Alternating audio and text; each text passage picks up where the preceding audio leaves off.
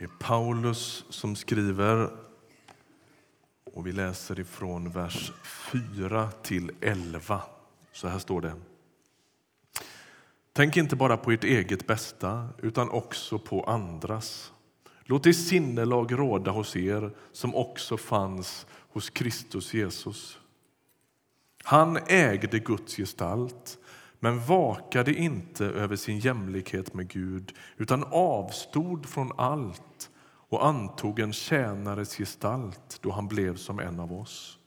När han till det yttre hade blivit människa gjorde han sig ödmjuk och var lydig ända in till döden, döden på ett kors. Därför har Gud upphöjt honom över allt annat och gett honom det namn som står över alla andra namn för att alla knän ska böjas för Jesu namn i himlen, på jorden och under jorden och alla tungor bekänna att Jesus Kristus är Herre, Gud Fadern till ära. Vi ska stanna inför den här texten de, den här gudstjänsten och nästa söndag och på julaftonsnatten. Därför att det är en central text i Nya testamentet som handlar om Jesu väg neråt. Och forskare har funderat och funderar fortfarande över vad det här är för en sorts text. Det är Paulus som skriver, men det verkar som att han citerar någon slags hymn eller en formulerad liksom, text eller dikt om Jesus Kanske är det så att han har formulerat den själv. Det skulle kunna vara så. Eller kanske har någon annan gjort det. Vi vet inte det. Men det man kan konstatera är att det är noterbart att teologin om vem Jesus är redan var så kärnfullt koncentrerad i korta vad säga, uttryck redan på 60-talet efter Kristus när Filipperbrevet skrevs. Ett av de mest centrala begreppen i kristen tro det är uttrycket inkarnationen. Och Det där uttrycket det har sitt ursprung i den fantastiska inledningen av Johannesevangeliet, det man brukar kalla för Johannesprologen när han liksom ger introt till hela sin version av Jesusberättelsen. Och aposteln Johannes beskriver där vem det är som har kommit hit. Och Det står så här, ni vet, i begynnelsen, så här börjar ju hela Johannesevangeliet. I begynnelsen var ordet och ordet fanns hos Gud och ordet var Gud, står det i kapitel 1 och vers 1. Vilket ju är en slags blinkning naturligtvis till Bibelns första vers i Gamla testamentet. En slags ny skapelseberättelse. Och det vi var inne på det här om söndagen. Det är som att Johannes antyder, eller inte bara antyder, han påstår att en ny skapelse inleds med Jesus Kristus. Allt börjar om i och med Jesu intåg i världen. Och så småningom i den där texten i Johannes 1 så kommer de berömda orden. Jag tror Om du är lite van bibelläsare och gudstjänstfirare känner du igen det här. Och Vi har sjungit det flera gånger idag, fantastiska sångtexter. Och ordet blev människa och bodde ibland oss i kapitel 1 och vers 14. Och egentligen står det och ordet blev kött, karne ni vet, chili con... Ni fattar? Ja. Ordet blev karne. Och Det är därifrån vi får ordet inkarnationen. Och Det är ju den texten som hela det begreppet liksom hämtas. Gud har fått en kropp. Förkroppsligandet har skett. Jag ska läsa två stycken lite längre citat i min predikan idag därför att det går inte att uttrycka det bättre, så jag snor dem. Eh, det finns en präst som heter Anders Piltz. Han har skrivit en bok som heter Se människan där han funderar fram och tillbaka över hela det här uttrycket inkarnationen. Och så skriver han så här. Så sker det som trotsar alla kategorier. Ordet blev kött. Utsagan är uttänkt för att chockera. Ordet visheten, arkitekten som assisterar Gud i skapelsen och genomtränger allt, har blivit kött. Det är identiskt med byggnadsarbetaren Jesus från Nasaret. Vad det inte var tycktes det kunna bli, eller tycktes kunna bli, det har det blivit. Det eviga blev sårbart, dödligt.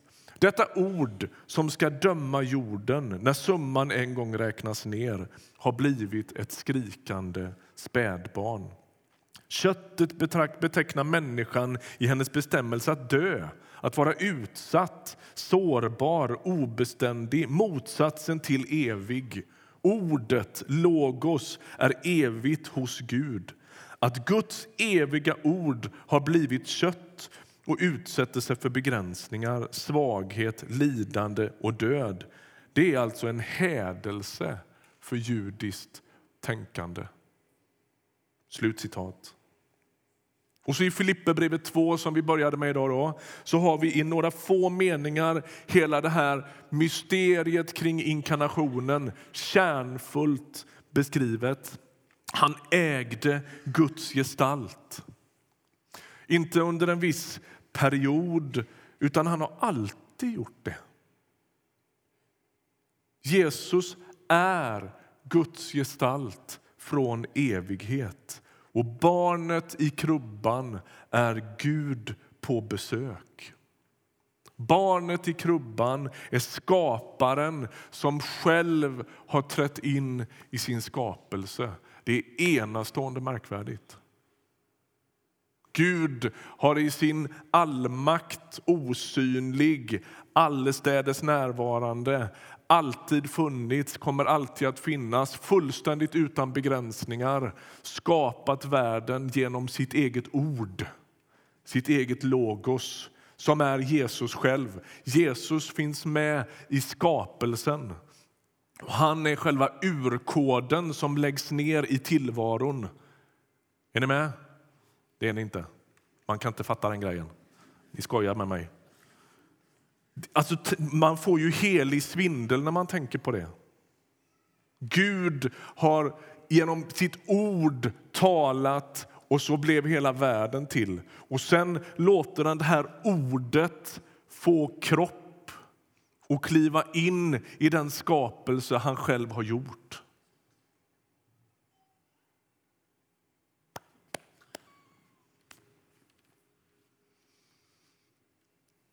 Fina grejer. Han äger Guds gestalt. Det verkar betyda att Sonen och Fadern har samma ställning. Jesus är av evighet, han är inte skapad, han har ingen början och han har inget slut. Och så antar han en tjänares gestalt. Han som är jämlik med Gud blir jämlik med oss. Han delar all vår mänsklighet och han, han ställer sig beredd med den kämpande människan. Gud i sin härlighet ställer sig vid vår sida. Han avstår från allt stod det i den här texten. Egentligen står det att han tömmer sig på allt. Det betyder inte att Jesus utplånar sig själv, utan Paulus använder det här ordet som att man gör någonting till intet. Jesus, som alltid är jämlik med Fadern, väljer att avstå jämlikheten, anta en tjänares gestalt och bli som en av oss. Det är som att han liksom borrar sig neråt. Det är en, en slags neråtgående rörelse i fullständig utblottelse, tjänande, identifikation. Jag måste få citera Anders Piltz en gång till. Han säger så här. Om påståendet att ordet har blivit kött var skandalöst i en judisk miljö så var det löjeväckande i en grekisk. De första kristna verkade i den hellenistiska, alltså grekiska miljön där man ställde vissa bestämda krav på en gud. vare sig man trodde eller ej på den grekiska gudavärlden. Dödlighet var förvisso inte ett av dessa krav.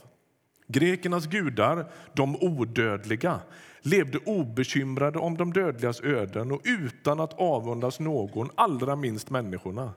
För filosoferna var just oberördheten, opåverkbarheten, det gudomligas väsen. Att en gud blir dödlig, det vore för grekerna en självmotsägelse. Slutcitat. Kommer ni ihåg vad Paulus säger på ett ställe om Jesu mänsklighet och svaghet som slutar på ett kors? Han säger det är en stötesten för judarna och en dårskap för hedningarna. Oavsett vilka religiösa eh, liksom, paradigm en människa äger så är berättelsen om att Gud kliver neråt obegriplig. I antiken där ju det här utspelar sig, så är bilden av en mäktig, hjältemodig ledare inte sällan kopplad till berättelsen om Alexander den store. Alexander den store han lever ungefär 300 år före Kristus. När han var 20 år då efterträder han sin pappa som makedoniernas kung. Han la snabbt hela Grekland under sig och sen ger han sig in i uppgiften att erövra hela världen. Och när Alexander den store dog 33 år gammal hade han lyckats så väl med den här uppgiften att han kallades gudomlig. Om man ska vara riktigt ärlig så var det hans egen, eget förslag att han skulle kallas gudomlig. Så jobbar han. Och Det är den här bilden av starkt eh, heroiskt ledarskap som de kristna i Filippi också har med sig. Det liksom sitter i deras system att så ser en stark ledare ut och så ser en Gud ut. Och så landstiger Gud verkligen i världen och så sker det i svaghet. Och så sker det i identifikation. Men då måste man få fråga sig vad spelar det egentligen för roll? Att Gud räddar världen är naturligtvis helt avgörande. Men hur han väljer att göra det är väl inte så intressant. Det viktigaste är väl ändå att det har hänt? Nej. Det är det inte. Det är helt avgörande på vilket sätt Gud väljer att rädda världen. Därför att Guds väg i att rädda världen berättar för oss vem han är. Han kan inte ta paus från vem han är. Om vi vill lära känna honom och om vi vill förstå eh, vad inkarnationen har att berätta om vem Gud är, vilka vi är och hur världen ser ut, hur Gud tänker om världen, då är det i den där berättelsen som allt det framträder. Vem är Gud? Vilka är vi? Hur ser Gud på världen? Allt det där hittar vi koder till i berättelsen om hur Gud har blivit människa.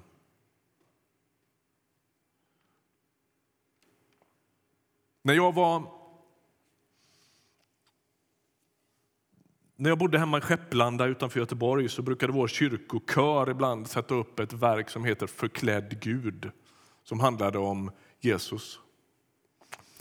Och jag gillar inte riktigt det där. Därför att när Gud kommer i Jesus så är han inte förklädd. Han har aldrig varit så tydlig som han är då.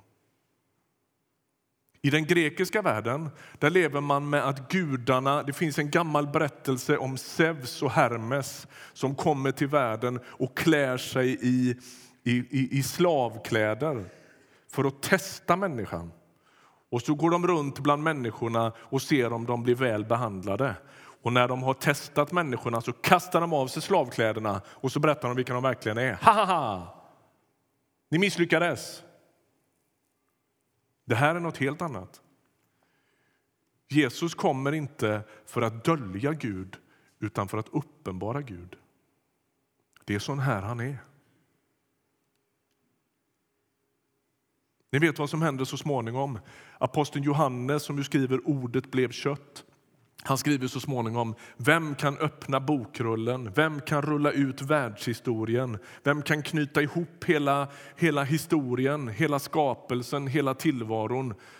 Ingen kunde det. Och då säger ängeln, gråt inte, lejonet av Juda kan det. Och så vänder han sig om. Lejonet är ju en sån militärisk bild av en stark ledare. Och så vänder han sig om för att se det där lejonet och så ser han ett lamm. Alltså, det är så här, sån här Gud är.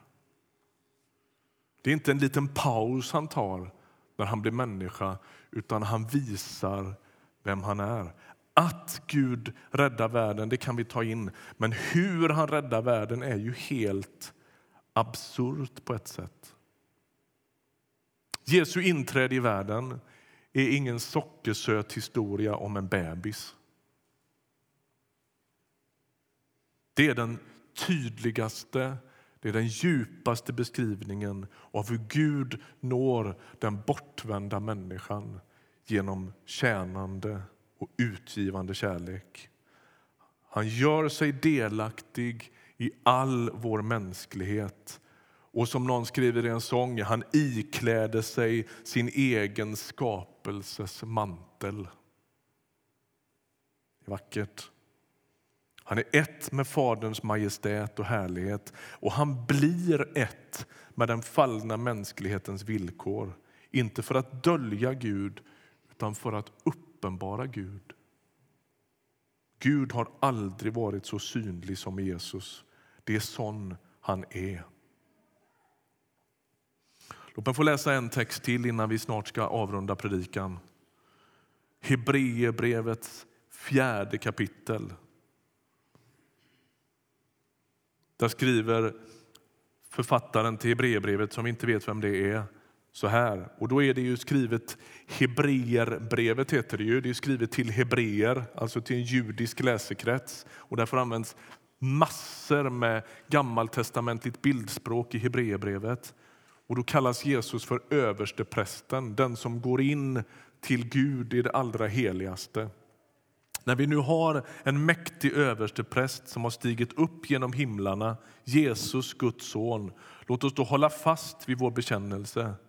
Vi har inte en överstepräst som är oförmögen att känna med oss i våra svagheter utan en som har prövats på alla sätt och varit som vi, men utan synd. Låt oss därför frimodigt träda fram till nådens tron för att få förbarmande och nåd i den stund då vi behöver hjälp. Vad är poängen med den här texten? Jag tänker att det är mycket som avgörs i att man möter någon som kan förstå. Under ett antal år har, levde vi ett tämligen en sprucken tillvaro, skulle jag säga. Oroligt, bitvis ganska smärtsamt. Och Det var inget unikt med det. Många av er här inne kan översätta det till er egen historia. Men för mig var det så, under en väldigt skakig period som varade ett antal år, att det var inte en lösning jag jagade när livet var som mest svårnavigerat. Jag försökte inte hitta någon som kunde knäcka det här problemet, frågorna. Nej, vet du vad? Det jag tyckte jag sökte var identifikation. Vem förstår? Vem fattar vad jag är med om nu?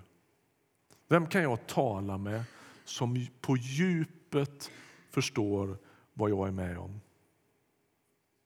Och vet du, Det är det som är grejen med inkarnationen. Gud kommer nära. Gud blir som en av oss. Han delar vår mänsklighet, han delar våra villkor han står vid vår sida. Du som känner dig outsägligt ensam. Han vet hur det är. Du som känner dig sviken, han vet hur det är. Du som rids av ångest, han vet hur det är.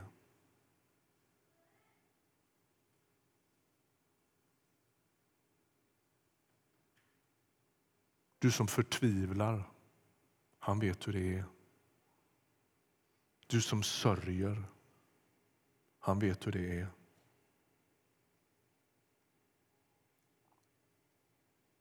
När Gud kommer och blir delaktig i vår mänsklighet så är det inte en sockersöt historia om en bebis.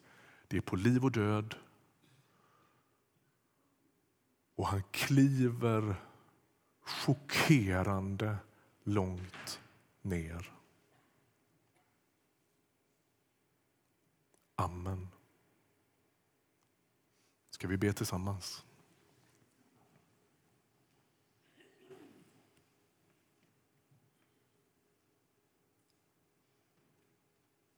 Tack Jesus för att du är ödmjukhetens konung.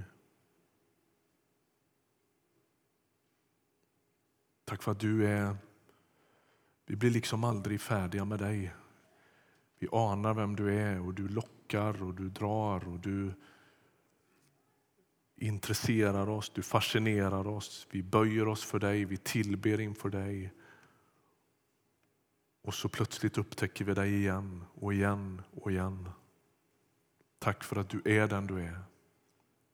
Tack för att vi får komma till dig och veta att du fattar vad det är att vara människa. Tack att du inte hör till de odödliga gudarna som aldrig har brytt sig om mänsklig tillvaro. Tack att du blev en tjänare. Tack att du blev som en av oss.